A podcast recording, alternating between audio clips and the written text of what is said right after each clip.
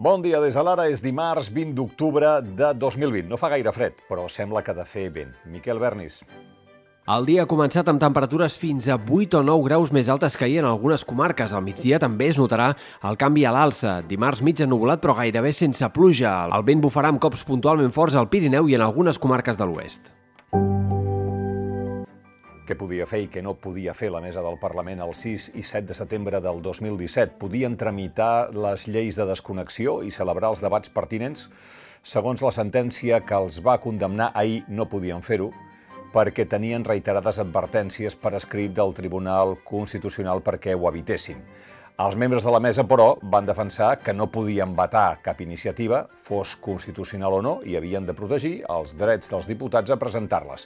Però el tribunal s'ha alineat amb la Fiscalia i ha considerat que la mesa havia d'evitar el debat per això, perquè tenia advertències i perquè les lleis del procés pretenien derogar l'ordre constitucional. Per tant, creu que es tracta d'un delicte de desobediència.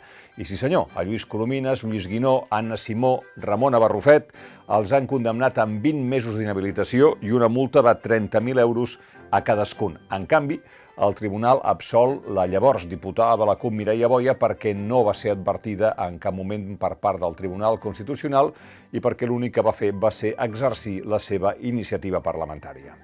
És evident que el Tribunal Constitucional no en podia advertir. De fet, no té legitimitat per dir a cap diputat ni a cap diputada del Parlament de Catalunya què pensar, què debatre ni què aprovar en aquesta institució.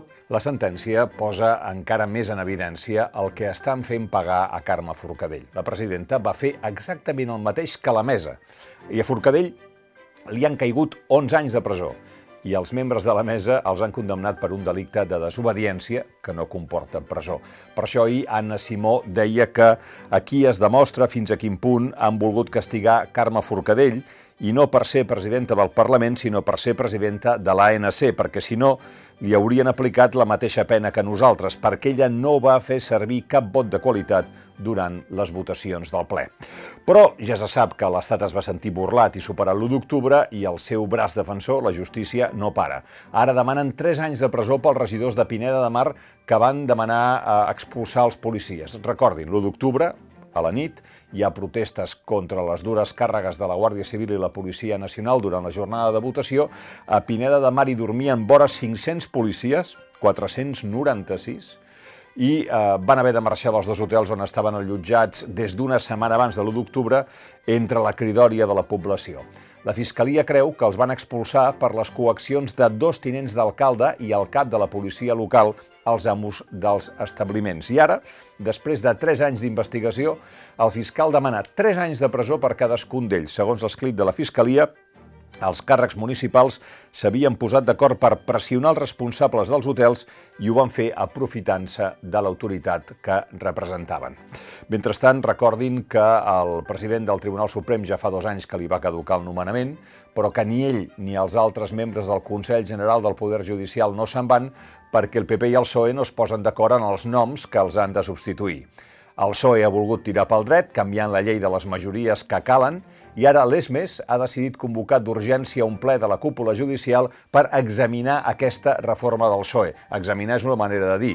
Eh, és un ple eh, per eh, sostenir una oposició, una oposició consensuada en contra de la iniciativa del govern espanyol.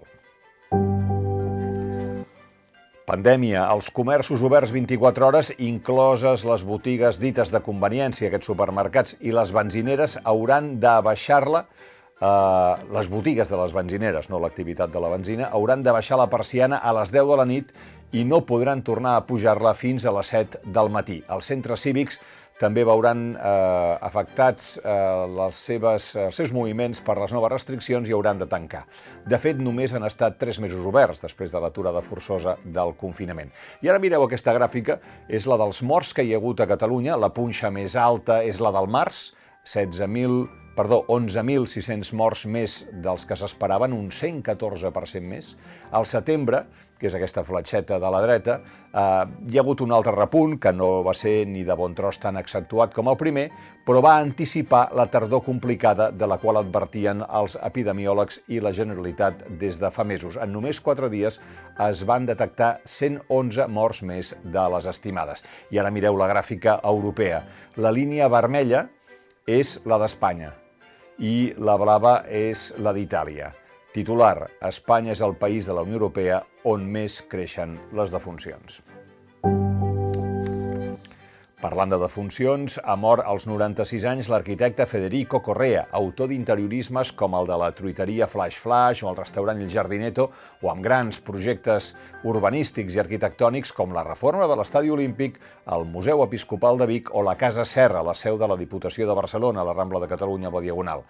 Avui la ciutat viu l'impacte de la desigualtat social i la pandèmia, ja no és la Barcelona del 92, i el govern espanyol ha consumat la subhasta de fins a 26 elements del front marítim de la Barceloneta, entre els quals comerços, aparcaments, restaurants i discoteques que queden a tocar de l'Hotel de les Arts. Ahir es va fer l'obertura dels sobres amb les ofertes i, com pronosticaven els veïns i els empresaris, els actuals propietaris de l'hotel han licitat amb tanta força per tots els espais eh, i això es permetrà una ampliació, que els actuals llogaters no podran superar l'oferta i, per tant, els actuals propietaris de l'Hotel de les Arts podran quedar-se en bona part del pastís.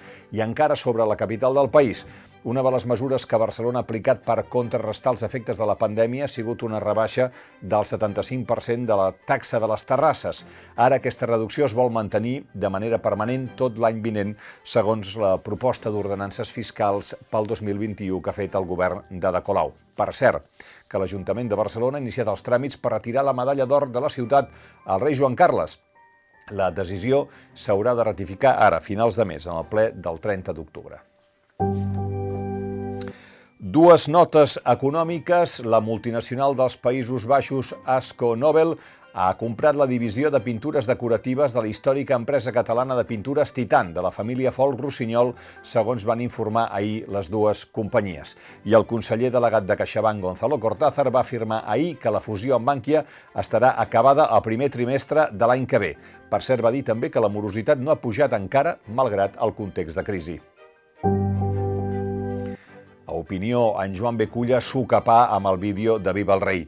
Pregunta als participants, en el sensacional vídeo, s'adonen que una iniciativa semblant seria senzillament inimaginable, inconcebible, grotesca. A Suècia, Països Baixos, Regne Unit, són conscients de la confessió de feblesa, fragilitat, vulnerabilitat institucional de la corona que comporta haver cregut necessari aplegar i publicar aquests 183 visques al rei, quan la monarquia esdevé només la d'un hemisferi ideològic, quan per fer-li visitar una porció del regne cal imposar-hi un estat de setge fàctic, diu Culla, aquella monarquia té els anys comptats. I acaba preguntant-se, i modestament, l'independentisme català no ha contribuït de forma substantiva a aquest escenari? Aquesta nit a les 9 el Barça jugarà contra el Ferencváros a la Champions. Antoni Padilla repassa la connexió històrica del Barça amb el futbol hongarès que va ser el millor del món als anys 50 gràcies a jugadors com Kubala, Coxis i Sibor.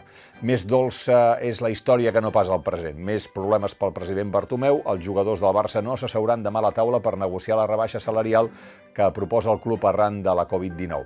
Uh, el que no accepten és una negociació col·lectiva, a la mateixa taula on seuen els empleats, ja que els seus contractes tenen clàusules addicionals i plusos per títols que volen mantenir. Per aquest motiu, la gran majoria de futbolistes, no tots, van enviar un burofax de disconformitat a la directiva que els vol fer una rebaixa del 25% dels seus salaris i ho vol deixar, eh, ho vol deixar enllestit abans que acabi l'any. I acabem amb aquesta foto de James Redford, el fill de Robert Redford, que ha mort als 58 anys. Problemes de salut que l'han acompanyat durant molts anys. En només 15 anys li van diagnosticar una malaltia autoimmune del fetge. El fill del veterà actor Robert Redford es va dedicar al documentalisme i va ser reconegut per la seva faceta d'activista. Robert Redford ara té 84 anys i havia perdut un altre fill eh, fa molt temps, fa 60 anys. Fins aquí les claus del dia, tornarem amb l'anàlisi i per qualsevol última hora, algun dia haurem de saber la sentència al major Trapero, podeu disposar de l'ara.cat.